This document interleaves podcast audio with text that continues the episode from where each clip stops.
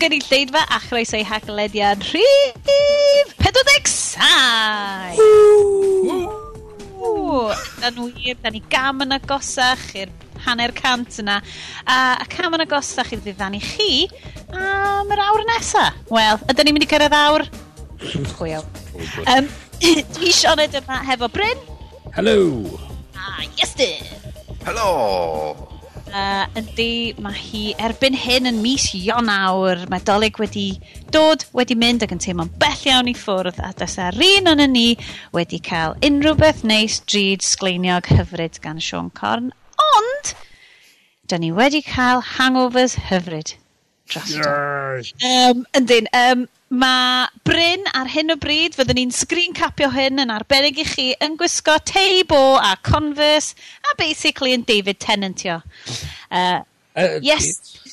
Oh, tweeds! Dwi wedi dydy anghofio'r Cris Pink ar tweeds. Ys yna rhywbeth arall y ti eisiau fi? Barf hyfryd? Barf. Sgleiniog hyfryd. Um, yes, dyn, uh, dwi'n gweld watch sgleiniog gyda'r unig beth sgleinio cyfrif gynnau ti. Wyt ti wedi cael dy uh, fitness tracker sgleiniog neu di hwnna just yn watch Do. arferol? Na, mae o'n edrych fel watch arferol, ond mae o'n tracio fi 24-7 a mae o'n briliant. Ti ddim yn teimlo hwnna'n creepy, ti'n teimlo hwnna'n fonws y dy fywyd? Os o'n neb arall weld o, mond fi sy'n weld o. So, mae o'n... Um, Cool, cos oedd hwn yn rhywbeth nath ni trafod uh, yn y podlediad diwetha, uh, sef um, fitness trackers, Fitbiti, math o bethau, oedd y iestyn ar ôl. Be nes ti fynd am yn y pen draw? Ar ôl y holl ymchwil, we, yr, yr We Things Activity ges i mm. yn diwedd, um, ac digwydd bod, nes i gael y We Things Smart Body Analyzer i fynd efo fo. Iestyn, ti'n meddwl bod ti'n dod o Southern California? Os dwi eisiau gwybod pa liw di'n nghachu, ti'n rhaid fi edrych yn toilet i mwy. Just dychmyg ar oriau o, o ymdrech ti'n ti, ti arbad o'n awan i ystyn. Just, just, at last. Gillian McKeith bach. just yn sort of ofran yn gyfraith. O, ti di cael un hefyd, do? Ie. Sioned. So, be did... Hello. Yeah. Be di'r end goal hefo hwn? Tewa, be wyt ti eisiau... Be mae'n mynd i helpu ti wneud yn dy fywyd? Oedd ar, ar y funud, mae o i gyd just i wneud efo cael yr amser gorau fedrau yn hanner marathon mm. Caerdydd mm. sydd yn dod i fyny diwedd mis Mawrth. Yr, ma hwn ydy'r hanner marathon rhyngwladol sydd yn fel yeah. cystadleuaeth rhyngwladol. Ar, hmm. ac yn ôl sôn, mae Mo Farah mynd i fod ar y start line ac os fedra i faglu fo ar y start line, mae yna chance. Rhaglu bo, a torri i fitness tracker fo. Yeah. A dwi'n i cwarno! oh my god! Mae'r adverts na'n cringing, de. Mae just fel, dwi angen loads o protein. Ww! Cwarn sausage.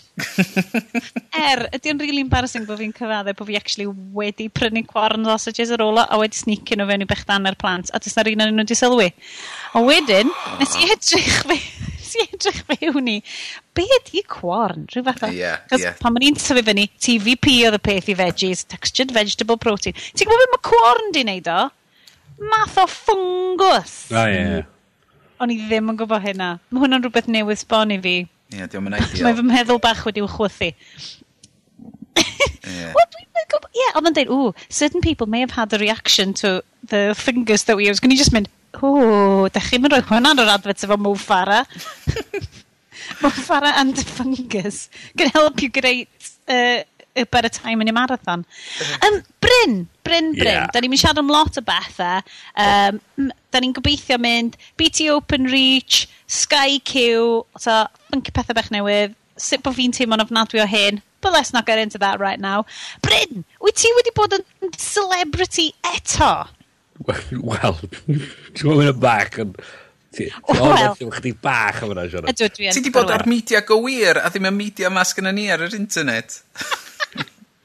Do, ges i uh, ar uh, Radio Nes ti siarad ar Radio Cymru am we... wen a Do, o do, ges i fy ngalw fel sylwebydd materion. Wel, um, fel, beth yna, beth yna, beth yna, sylwebydd technoleg dwi'n meddwl, 'di o media com- uh, technology commentator. Ma' hwnna'n neud swnio just fel rywun sy'n gwybod sut i wneud like Excel spreadsheets yn hytrach O, ia, ia, ni'n dyna be Um, so, oedd hi'n gyd i wneud efo newyddion bod Apple uh, wedi dweud bod nhw ddim yn mynd i werthu i gymaint o iPhones oedd nhw'n meddwl wneud. Um, meddwl bod nhw'n mynd i wneud yn y chwarter nesa. Ac oedd am rhyw rheswm oedd BBC dros hwn i gyd a, a bob un fersiwn o'r BBC efo straeon amdan hwn. Ac o Radio Cymru hefyd yn cadw fyny efo'r zeitgeist ac yn sôn amdan Apple ddim yn gwerthu gwerth iPhone. Gwyd, ydy hwn yn mynd i fod yn broblem i Apple? Neu... Na, di. Mae gen nhw 200 biliwn yn y bank. Dwi eisiau ti dweud hynna eto fel um, baddi o Austin Powers movie gan bod gen ti bote a tweed. 200 billion dollars. um, yeah, yn y bank. A mae gen nhw hefyd... Diolch yn teimlo nhw'n mynd i ddim yn mynd i werthu iPhones. Mae nhw'n mynd i werthu llai honno nhw. Mae nhw'n meddwl. A so, so, dweud, a, a diolch yn fatha bod nhw'n mynd i lawr rhywbeth fatha, fatha, lle bod nhw'n mynd i werthu 100 miliwn o'n nhw, maen nhw wedi werthu 98 miliwn o'n nhw. Diolch yn newid anferthol. Maen nhw wedi werthu chydig llai. Mae nhw dal yn mynd i wneud... Mae nhw dal yn disgwyl wneud dros rhywbeth oedd 15 biliwn a chwartar. Mae mm. mwy o bres na mae rhan fwy o cwmni yn gallu gwneud mewn blwyddyn. Mae mwy o bres na nid y lad mae'n gwneud mewn blwyddyn, siwr o fod. Dwi'n ddim yn stori. Ond wyt ti chwarae teg yn gorau rhoi y, y, y perspektif yna i, i i hmm. bobl? Achos mae mor anodd, twa, da ni'n da ni'n ni tri, mae siŵr wedi bod yn y sefyllfa yma blaen, lle mae bobl yn gofyn i ti sylwebu ar bethau. A mae'n hmm. rili, really, rili really anodd ffeindio'r balans na rhwng... Mm. Peidio fod yn... Nawr o'n gled yn... Ia, y peth di, mae yna rhywfaint o, o, o gwrddorol, achos mae Apple wedi bod yn mor enfawr a mor hmm. adnabyddus yn, yn y farchnad. So mae y ffaith bod nhw'n disgwyl bod nhw wedi werthu llai o diddordeb i rywun siwr o fod. Ond y peth ydy, y po, yr pobl sy'n rili really o, o, o ddiddor, efo diddordeb yn y stori yma, ydy pobl sydd yn yn, yn astudio'r farchnad. Shares yn y yeah, Hyn ydy'r peth mae o ddiddordeb. Really. I mean, os mae o'n neud unrhyw beth, well, mae ma nhw'n... Mae bod an rwy'n mynd i ffons Android yn cael werthu, neu felly mae'n fwy o ffons uh, Microsoft yn cael werthu. Sydd eto ddim yn peth drwg i ni fel, fel cwsmeriad, chys mae Apple wedyn mynd, o, oh, oce, okay, i trio gwerthu mwy o iPhones, bryd i ni wneud rhywbeth mwy diddorol efo'r... Efo Na, neu bod i ni creu gwasanaethau sy'n bach mwy o diddordeb i bobl. So maen nhw'n dweud, oce, okay, Apple Play, uh, lle nhw'n ni dod â un o'r features newydd Apple Music lawr yn gynt, neu rwy'n ni uh, gwasanaeth um, gwell ar iCloud, rhywbeth jyst i trio denu mwy o bobl yn fewn i'r farchnad. Ie, yeah, cos mae'r stori yma wedi tanio lot o um, to, erthyglau dwi wedi bod yn gweld yn, yn llefydd Guardian Tech, er enghraifft, yn deud, um, tyma, bod a, a, Apple yn mynd yn boring. A dwi'n credu, a bod, bod rhaid iddyn nhw wneud rhywbeth mwy i gael sylw bobl. Yeah, a dwi'n credu bod hwnna'n wir i fel yr percentage, to y top, the power users di. Mm. Ond dwi'n credu, i dy i dyfarchnad, falle dyfarchnad, kind of... Hyn ydy'r peth efo'r... Um, so mae gyd ti fatha fel mae pethau uh, yn datblygu, fe gyd ti dy, dy evolutionary jumps fel a. Dyn peth ydy mae fel ti'n neud y newid na, mae'r ma, peth newydd y sy'n dod ydy'r safon wedyn ydy'r ydy llinell A wedyn dros amser nhw, dyna fo chdi wedyn ydy'r llinell. Wedyn ti'n disgwyl wedyn i'r i'r jump nesa ac i'r ar un wedyn. So ma beth am yn mynd i ddigwydd a mae o'n... Mae wedi gallu gwneud hyn. Mae wedi gallu mwy a mwy a mwy o tyfeisiad yma am deg blynydd. Does na ddim ffordd fe i'r cwmni cario blaen gwerthu mwy a mwy o'r peth. Chos mae'n hod gyn gymaint o bobl yn y byd a gyn gymaint o bobl sy'n gallu yfforddio. Yeah. Hmm. So, just... Mae'n Mae'n mynd, i... mynd, ond peth ydy... E, oce, lle dyma'r newyddio gorau i Apple, ond, mae'n probably oedd yn peth gwell i ni, a mae'n mynd i feddwl, mae nhw'n mynd i cael mwy o sialens, sy'n feddwl bod nhw'n mynd i gorau datblygu rhywbeth gwell, i cael pobl yn ôl efo diddordeb yn oedd, so... Ie. Twa, yes, dyn nhw ti'n... Ti'n mynd, mae'n dda i Apple, mewn ffordd rhyfel, chos... I wrthio nhw. Gorfodi, ie, gorfodi nhw i, i beidio, beidio a mynd i'r cymeriad i wneud mewn bod gen nhw amser hawdd. Mae nhw'n gorfod i wneud, wneud yn well. So yes, wyt ti'n teimlo, ti'n fel rwy'n sydd yn, yn neud lot efo'r efo cwmni, wyt ti'n teimlo bod nhw wedi bod yn cymryd pethau'n ganiatawol? Na, dwi, dwi just, um, digwydd bod neithiwr o'n i mewn yn, yn Brifysgol Bangor yn yr adeilad Pontio yn gwrando ar person o'r enw Sir John Riley, John O'Reilly, sorry, yn siarad.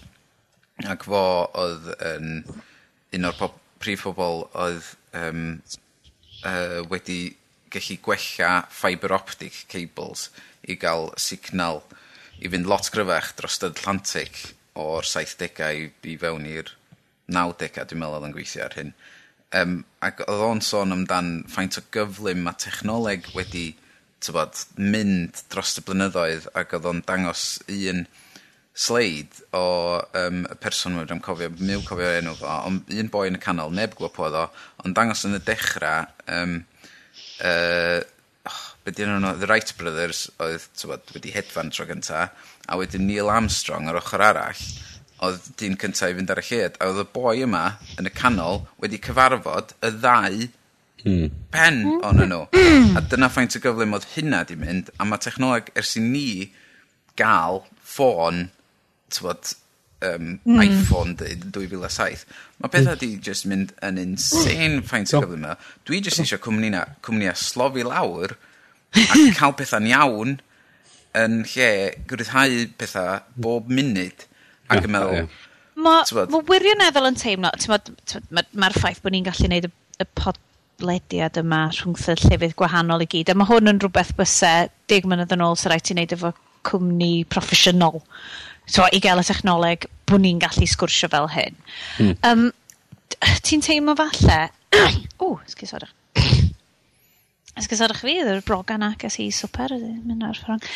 Um, mae'r ffaith bod pethau wedi mynd mor gyflym, wedi mynd mor democratic, yn briliant, ond dwi ti'n hefyd yn teimlo bron fel bod ti yn un o'r bobl na oedd yn ganol y chwildro diwydiannol, oedd yn arfer gweithio'r ffarm, gwehyddu tyma bach, A wedyn, o fewn hanner can mlynedd, oedd ffarm nhw yn surrounded hefo ffatrioedd, spinning gen... Ti'n wedi feddwl, mae Merthyr yeah. wedi popio fyny yeah. ddardd gefn di. A mae'n really gallu bod fel, wow. Mm. So ti'n stopio meddwl amdan be sydd wedi datblygu a be sydd mm. dal yn datblygu. Mae'n gallu bod bach... Ti'n edrych o fewn perspektif yeah. hanesyddol. Dwi'n gwybod be i ryw hefyd rhywfaint beth mae Iestyn yn dweud ydy ffaith... Uh, mae lot o'n fod ar un creu technoleg er mwyn creu o. Fatha, maen nhw'n rhoi dod i fyny o'r syniad, da ni'n gallu neud o. Oh, Gai okay, neud great. quote Jurassic Park fi eto, sy'n dod fyny okay, i pitch. Um, fel mae Jeff Goldblum yn deud... Set, set, set it up, here's the pitch. Fel mae Jeff Goldblum yn deud yn uh, Jurassic Park, we spent so much time thinking if we could do it, we did not stop to ask if we should. It's good! No!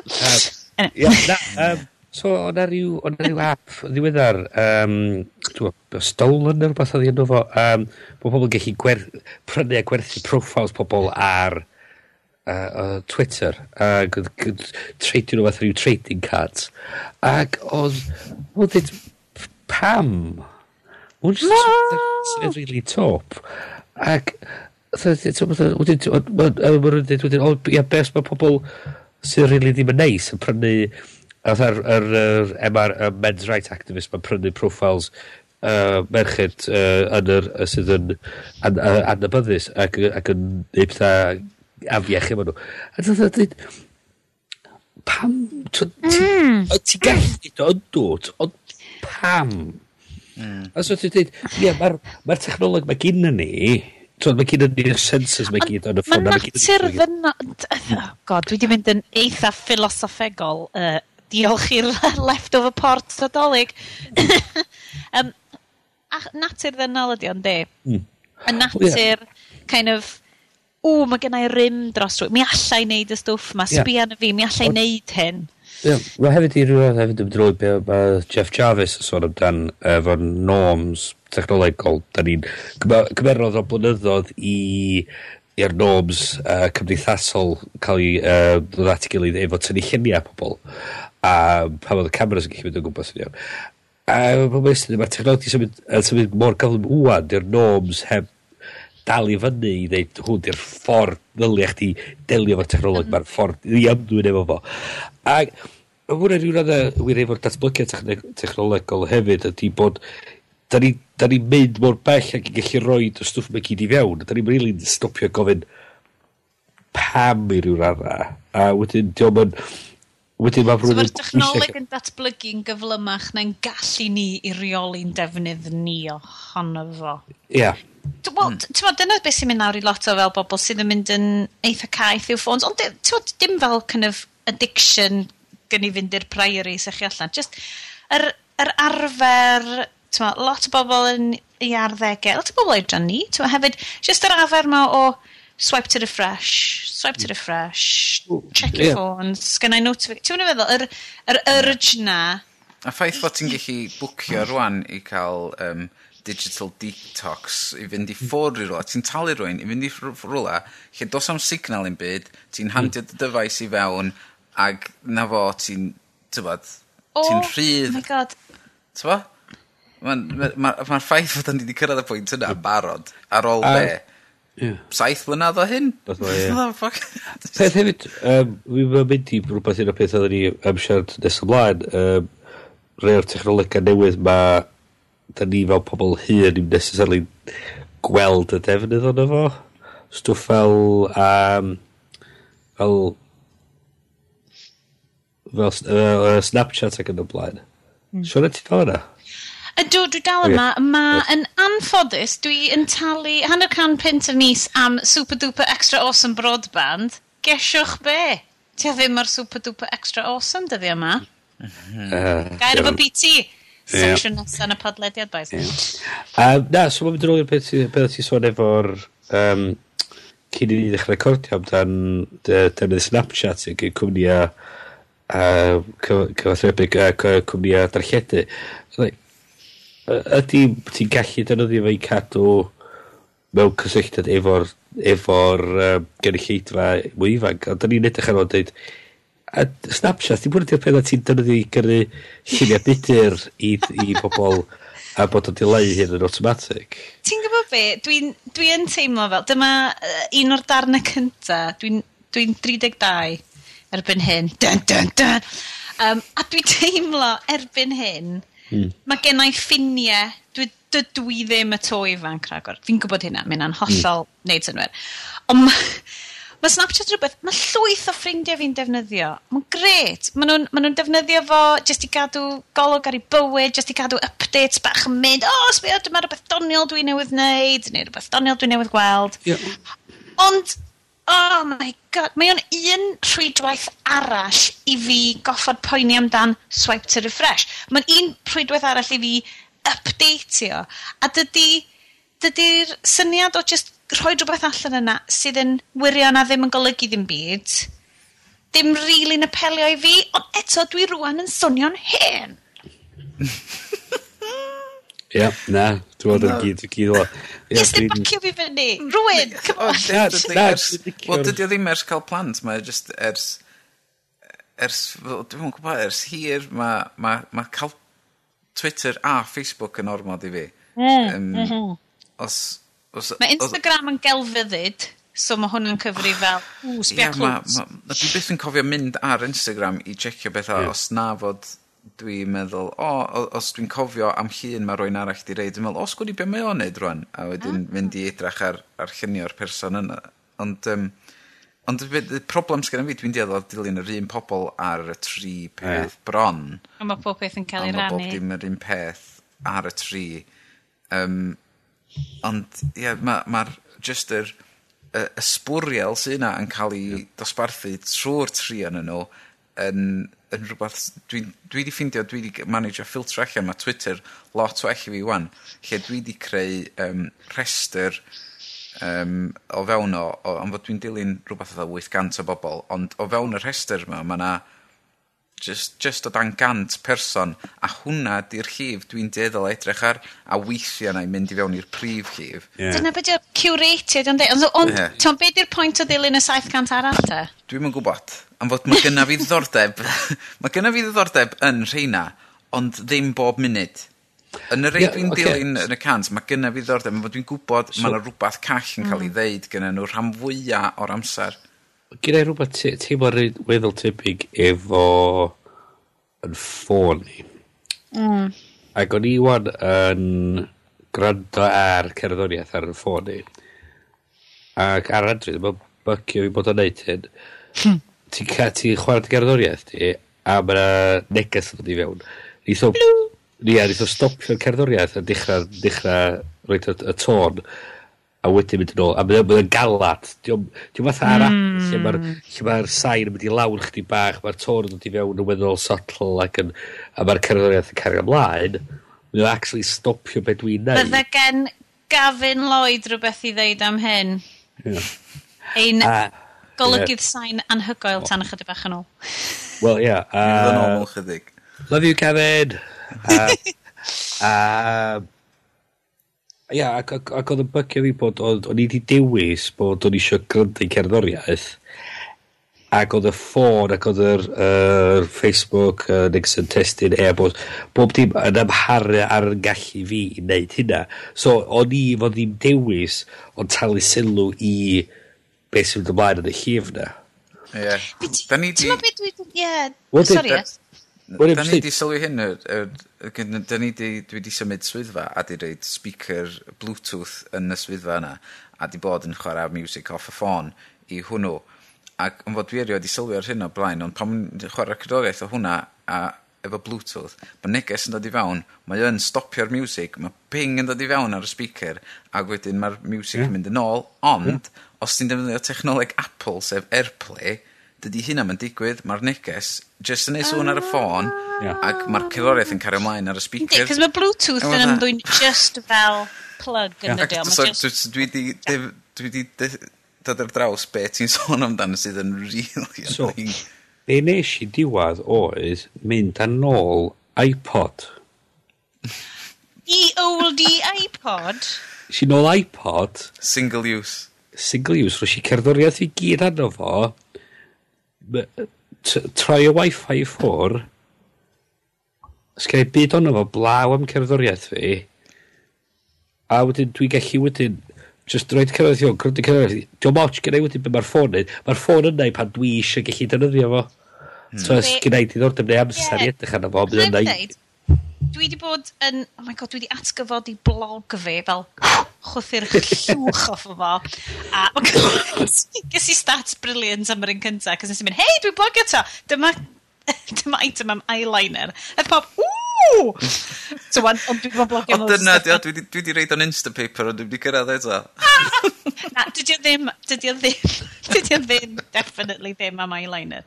Ond mae o, fel mae'n siŵr bod loads yn chi sy'n gwrando di ffigur allan, mae fy ymenydd yn gallu neidio o le i le yn eitha cyfan.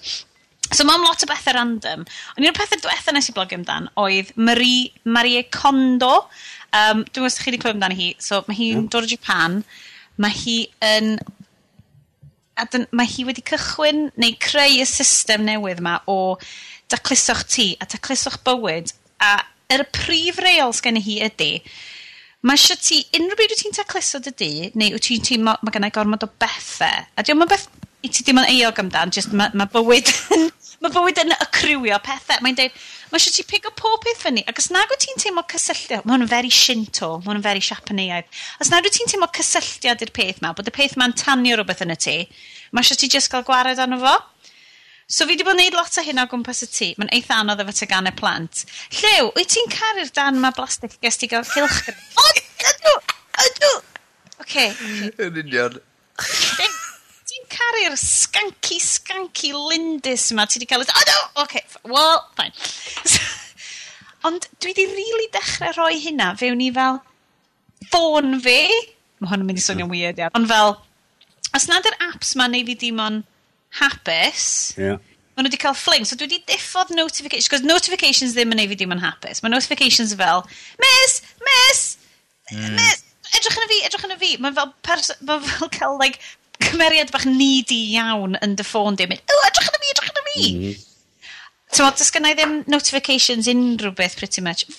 Falle WhatsApp, cos mae mam anno fo rwan. Yay! ti'n dweud, mae'n ma teimlad eitha neis i just i, fel ti'n deud i Estyn, i streamlinio beth sydd actually yn tanio. Mae hi'n deud lot o bethau amdan tanio llawenydd. Mae llawenydd falle'n gair cri. Ond just tanio diddordeb, tanio... Mm. Yeah teimladau yeah. Achos ti yn cael... Dwi wedi gweld lot o'r thyglau. Unwaith eto, dwi'n gwybod bod fi'n cwtio'r Guardian lot achos dwi'n darllen o lot achos bod fi'n lwni lefty. Ond, mae yna lot o, o pethau fel, fel ti'n deud Iestyn, yr digital retreats ma, a.k.a. mynd am gwylio fo nain o taid am y weekend. Di 3 jeans sicr heb gyrraedd top cwm uh, Afon Dilas. Um, dwi ddim eisiau bryd. Mae'n ma, ma, ma okay, mae gennym ni broadband. Popeth yma. Dim super fast, mi ddeith. Siw braidd. Um, Ti'n bod, mae ma just y teimlad yna o, o ddiffodd o, o switch y ffwrdd yno. Mae'n mynd yn fwy ac yn fwy anodd i wneud. Dwi'n gwybod sut ydych chi'n hmm. teimlo. Ydych chi beth yn teimlo weithiau just fel, o, oh, mae batri fi wedi mynd. Ti'n mo be? Na i ddim roed ar charge. Am chydig, yeah. just i... Wel, dwi wedi bod yn mynd um, un o'r ddau lefydd bod fi just yn diffodd y ffwrdd a tynnu'r batri allan. Mm. Kill it with fire approach.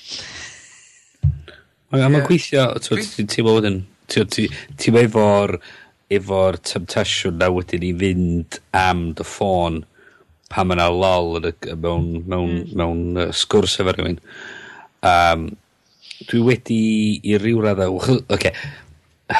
okay, Pa, weithio pan dwi'n gwisgo... Mae'n mynd yn rili ddofn yn rili gyflym. Weithio pan dwi'n gwisgo fel ma, efo'r wasgod a bob dim, mae gen i watch pocar. Oh, yeah. Oh, yeah, Bryn. So dwi, dwi di dechrau mewn yn yr ail weithiau, tynnu'r watch pocad allan a checio'r watch pocad. A, ie. Ma'n superb. Um, yeah. Dwi'n yn gwybod bod hwn yn cyfri'r un peth, ond mae gen i, diom yn Fitbit, ond mae gen i Casio. Oh, wow. Watch bach fi, ah. hefo gole bach yna fo. Mae'n edrych ah. fatha'n, mae'n edrych fatha'n polar newydd, ond dim dyna right. dio. Dwi just eisiau pwyntio allan wan, mae hwn yn hollol weledol a mae'n na i drio postio link uh, yn y byd. Mae so mae gen i yn oriawr casio fi, brynodd aled hon i fi uh, maen nhw'n siop casio yn Llundain siad deg mlynedd yn ôl, right? Mae hi'n briliant. Mae hi'n edrych fel, mae'n mae wen, mae gen hi botwm bach sydd yn ei gole, a mae'n edrych fel rhywbeth eitha fitbit i o pethau. Mm -hmm. Ond mae'n rhoi yr un un teimlad i fi, a pan weles i'n hefnder, hefo watch Casio efo calculator yn efo yn y 90au cynnar. Io gynna i na hynna oedd o'n awesome. See, just y darnau kind of, oh, want o dechnoleg fyna. Mm. Um, ond oedd y watch ma yn 20 pint, a o'r bellter mae'n edrych yn, yn smart. Ond Casio, twel, just mi, hen technoleg, just watch, dyna yeah. gyd mae'n neud. mi nes i actually edrych mewn i wofaid sut ati gallu cyrra beth ar Voto 360 a neud y mewn i smart pocket watch. Os yna efo'n neud am barod? Dwi'n meddwl, mae'r rei, rei pobl di wneud, o beth di at, ti'n meddwl, fatha, i be? Just, just i be? I be? Just... Mae um, uh, iPod, ti'n meddwl yr iPod, yr iPod na sy'n edrych o stamp? Yr rhai bach, bach, bach, bach. O, ie, ie. Nano, o Apple Tech dwi rioed wedi prynu, yes, dwi wedi'n uh, prawd o gwlad. So, teeny, teeny, teeny, fel nano, ond y nanos hefo sgrin cyn iddyn nhw hmm. fynd yn dim byd. A gallet ti sort of iwsio hwnna fel pocket watch bach? Gwneud efo clip bach anno fo. Mae hwnna di, di height. Dyna, dyna ddim un o'r um, prif pethau efo'r cael yr oriawr yma. Dwi'n fed up o plygio pethau fewn i jarcho. Mm. So ah. dwi'n really fed up am hynna. So dyna pam dwi'n dwi wrth modd efo hwn. Dwi'n mynd gorau charcho fo. Mae'n just yn mynd. So, mm. so a o'n i'n misio rhywbeth arall. O'n i'n gorau i reid yn ymwyl y gwely y nos i blygio fewn. Mm. Wel, di, o'n i wedi syni hefyd um, gwahaniaeth yr iPod ydy diffodd y Wi-Fi o diffodd y Bluetooth arno fo yn para diwrnodia. Mae'r ma ffôn wan hefyd, gan bod wedi tynnu'r cerddoriaeth off o fe gyd, mae hwnna wedyn yn para am y diwrnod wan. So dda, oh my god, amazing. Um, here's the science part, canolbwyntiau. Sut bod y, y cyffordd yna gyd yn llenwi memory dy ffôn di yn effeithio ar perfformiad y batri? Wel, dwi'n meddwl mwy i wneud efo faint ti'n chwarae honno fo, so os, os mae'n gorau mynd yn ôl ac ymlaen i nôl y cerddoriaeth, mae ma hwnna wedyn, obviously, mae o'n mae, mae, mae, mae cyd ar yr SD card, mae'n cynnesu'r SD card sydd wedi fod bod y batri mynd yn gynnesach, sydd wedi bod o'n di'r, di'r, di'r, di'r, di'r, di'r, di'r, di'r, di'r, di'r, di'r, di'r, Ti'n gwybod be? Dwi'n dysgu rhywbeth bob dydd. Um, ma... Dwi'n gwybod bod gyd y wir, dwi'n swnio'n tre. Sut ti'n cael jobs ar Radio Cymru? Mar, mar, mar, mi geis i ddiweddariad hefyd, um, mae hwn off, offshoot, um, uh, am fod, ti'n bod, da ni'n deud lot o bethau ar y rhaglen yma sydd ddim yn wir. Um, so, so ni'n gorau cywiro yn hynny. Dwi actually ddim yn gwisgo bowtai o gwbl. Da ni gyd, actually. Gwisgo dillad o gwbl, ond sa'n neb wedi mention o fo. Da, da. Ond, um, uh, na i reid link uh, efo'r podlediad yma i be nath Rodri Noodles yr i fi ar ôl y rhaglen dwytha am fod oedden ni sôn amdan Duolingo a sut fod o ar gael am ddim. Be? Da ni di deud celwydd? Na, ddo, na, ah. ddo, ddo. Ond fod, o'n i'n methu gweithio allan sut oedd o'r gael am ddim, ac am fod, fod o'n rhywbeth oedd o mor dda, ac fod o am ddim, ond mae rhaid fod yna catch rhywle, ac tyfo, cael pobl, pobl i gyfieithu erthygla go wir ma nhw, um, a, Na, dwi'n mynd i botio hwn i fyny eto rhan. Oedd ma... Sori am hyn. Sori am hyn. Wyth wythnos yn ôl. So, Uddwi y Os da chi eisiau gwybod sut maen nhw'n neud i pres, just edrych ar y link yn hytrach na fi botio fyny'r disgrifiad eto. Na i reid o'n efo.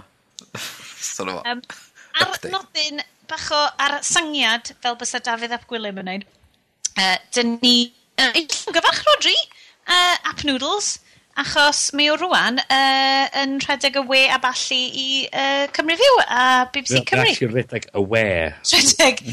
this, this is a great big box. This is the whole of the all internet. Of the yes. what, the whole of yes. the internet? Yes. The whole of the internet. The whole of the internet.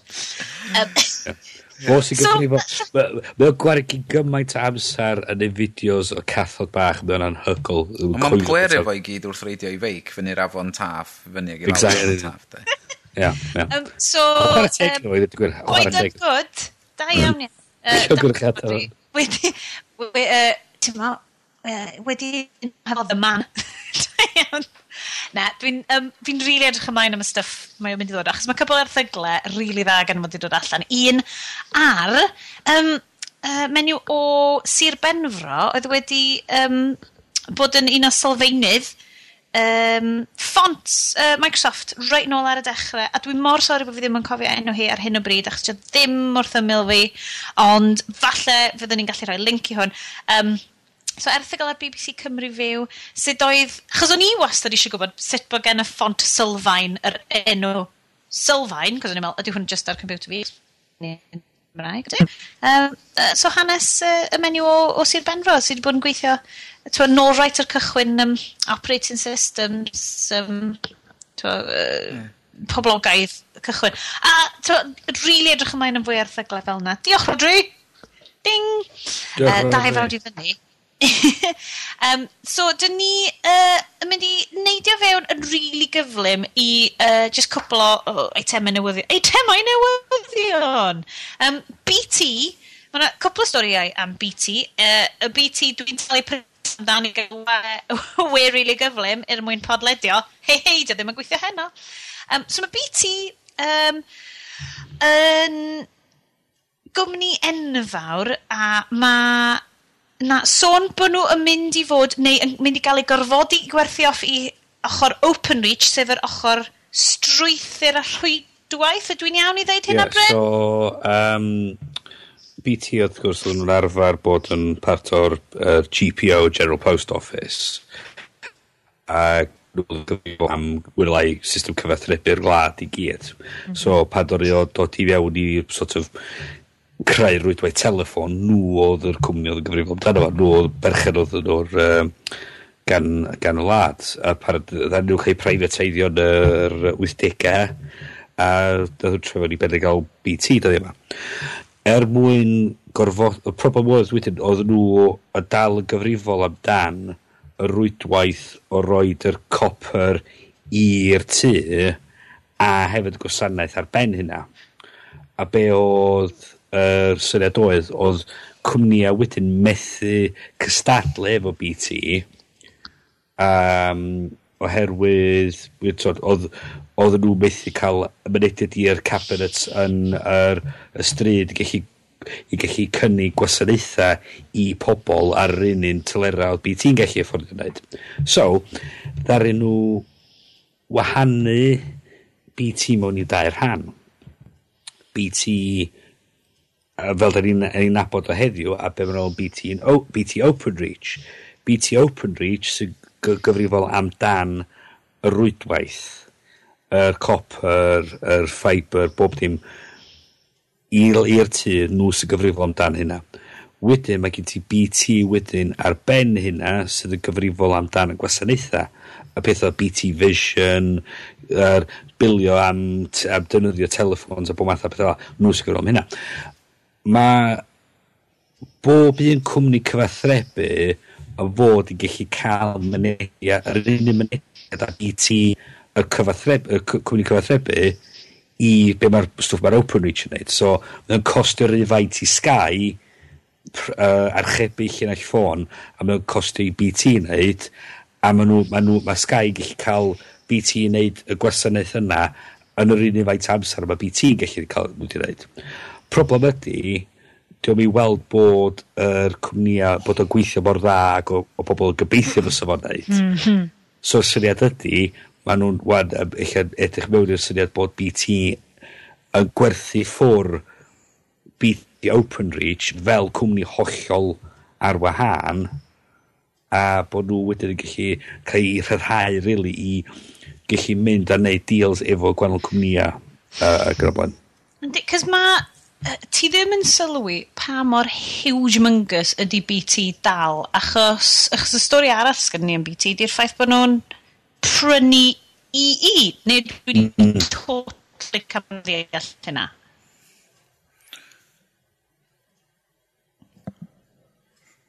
Helo? So, um, chydig o ddiso, dwi'n flwyddyn yn ôl?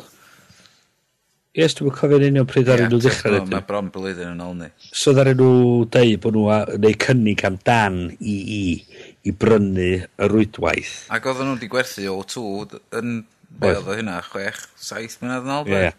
ie. so BT arfer yn redag rwydwaith ar enw BT Cellnet. Dwi'n rhaid BT Cellnet... Flashbacks! A BT Cellnet trefyn i O2, dwi'n cofio.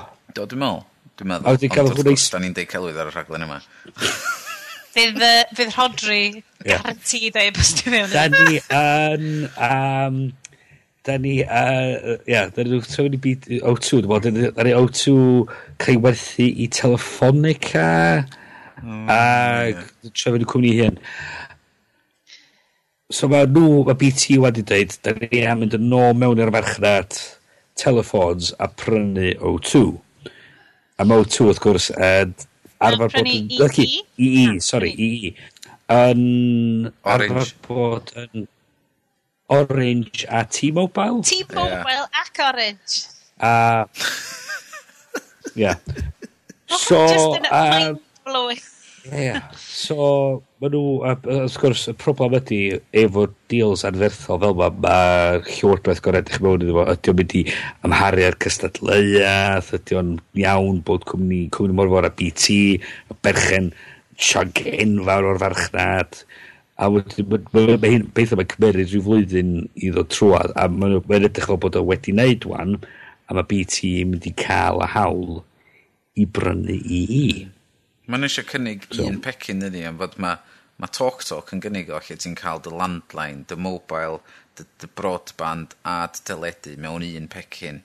Um, so yeah. mae BT eisiau cael yn ôl i fewn i hynna wan. Fytha un bil ac ti'n cael bob dim so yeah. Bod, mewn un peth na. Di, di, di Sky yn neud mobiles ta na di? Na di na di. Uh, Dwi'n meddwl bod nhw... Na. Dwi'n rhywbeth yn, yn MVN Cos oedd orange yn doedd, o ti'n gallu cael pob peth gan orange yn dod slawer dydd. O, ie, ie, ie. Ond, um, tywod, ma, ma, dwi'n meddwl bod BT yn, yn, yn neud y move yma, mynd yn ôl i fewn i'r byd mobile, oherwydd fod nath nhw'n mistake o cael gwarad o um, O2, oherwydd dyna'r ffordd mae galwad ar ffôn yn mynd, de, mynd, a, yeah. os, gynna ni'n landline yn tu ni, Wel, mae gynnu ni ar gyfer yr internet, ond sy'n gynnu ni'n ffôn... Beth i, maen nhw'n gorfod, beth maen nhw'n gorfod edrych i'r dyfodol a gweld, ia, fel ti'n deud, maen nhw'n mynd i...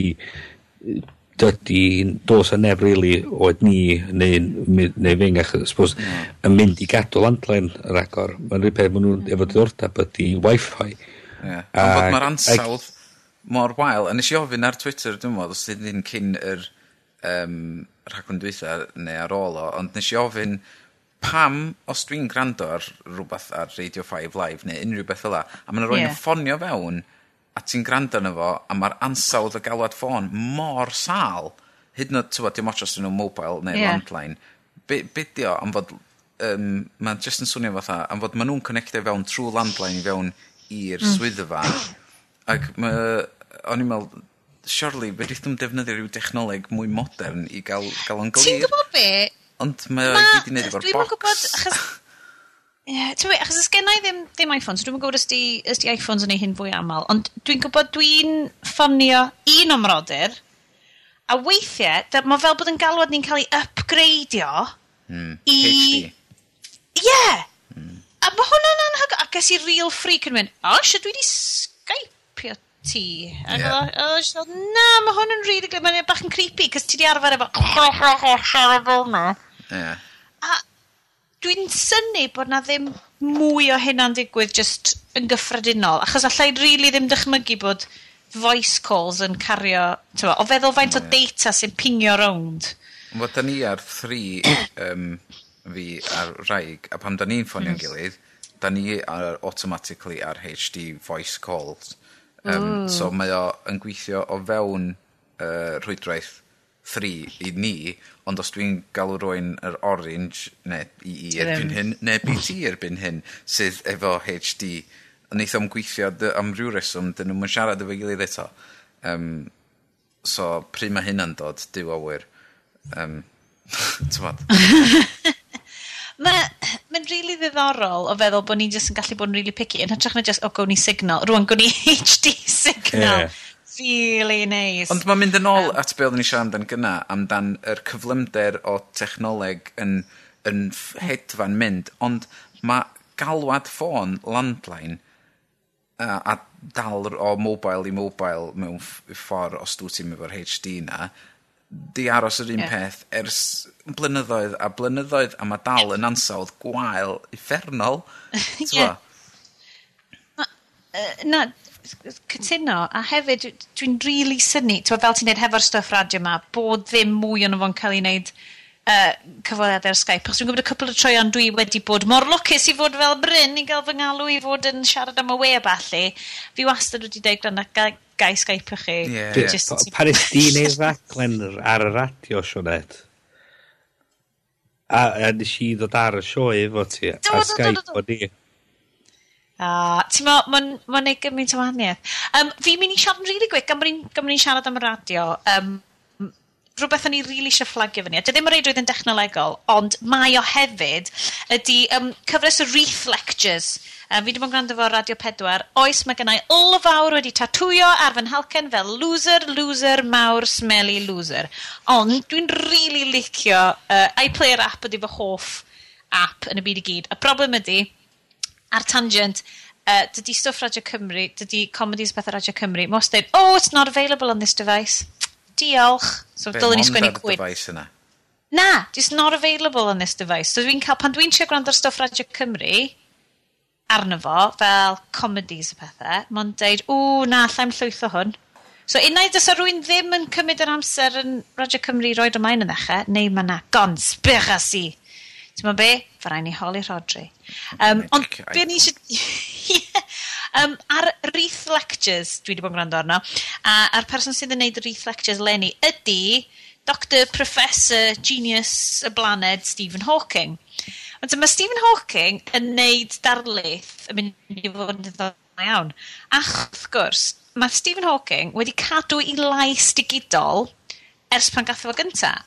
Um, achos mae lot o bobl wedi siarad ynglyn, ydy o eisiau upgradeio technoleg lais, achos mi'n gallu fo gael llais llawer tybycach i Siri, um, trwy'r Siri Prydeinig sydd yn ddyn falle, um, ond mae o wedi dweud, na, swn i'n hoffi cadw yn llais, achos dyma'n llais i rwan.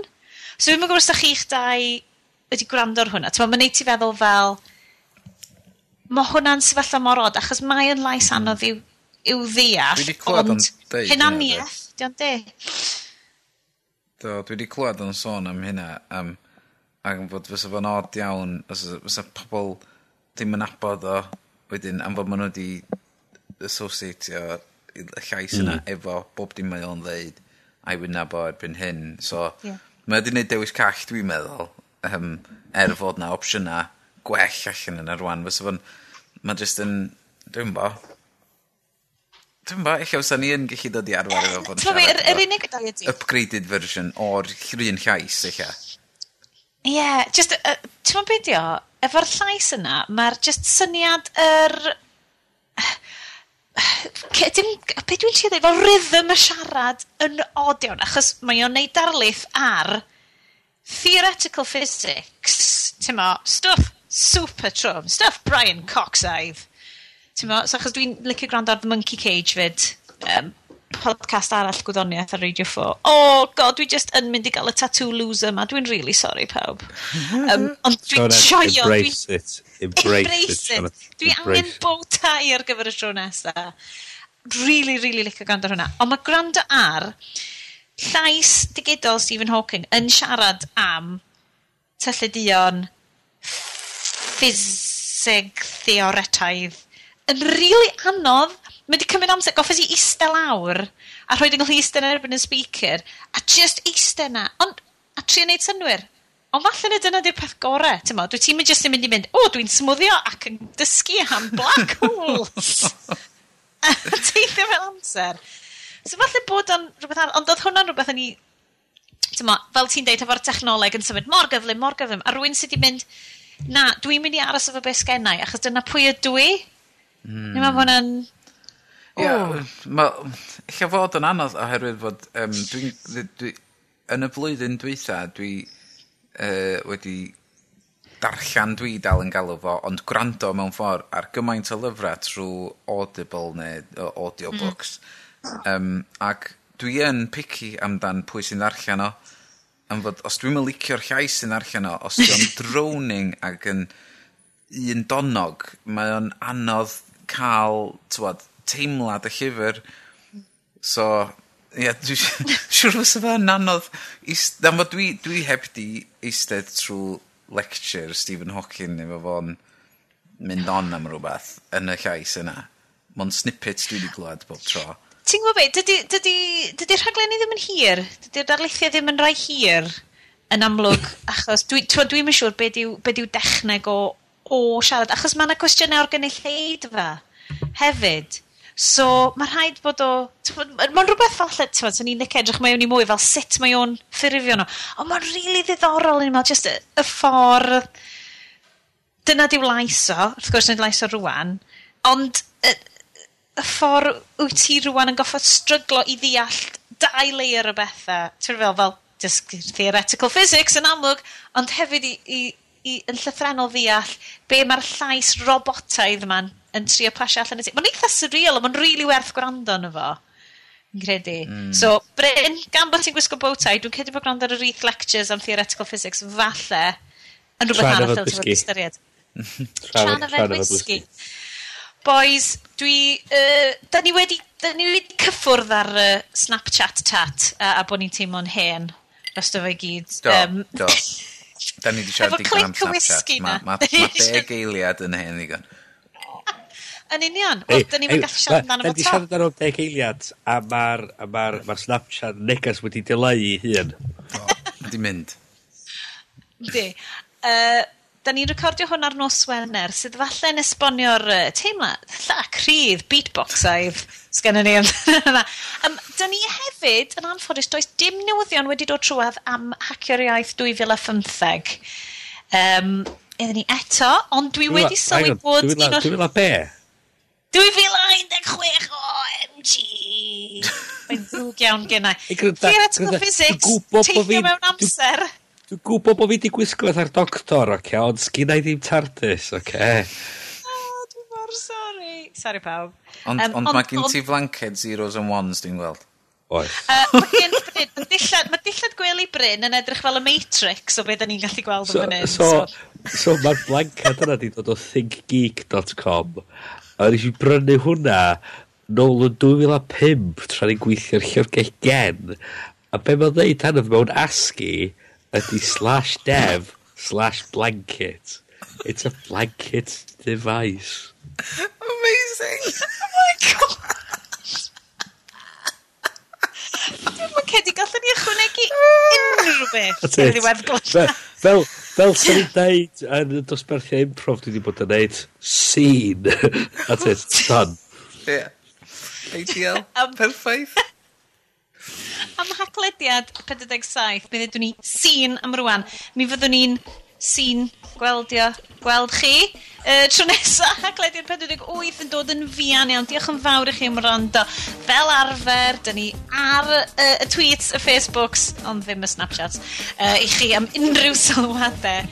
Uh, neu, uh, os ys gennych chi unrhyw straeon diddorol am blanket? na, falle ddim. Dim ond Bryn sy'n o'r heina. Um, mi ddedwn ni hwyl am y tro am rwan. Diolch yn rando. A welwn i chi tro nesa. So, hwyl fawr gen Bryn. Hwyl fawr. Hwyl fawr gen Iestyn. Iazab. a hwyl gen pawb. O, oh, jyst rhoi fan ei rwan, Sioned. hwyl am y tro pawb. Ta-ra! Ta-ra!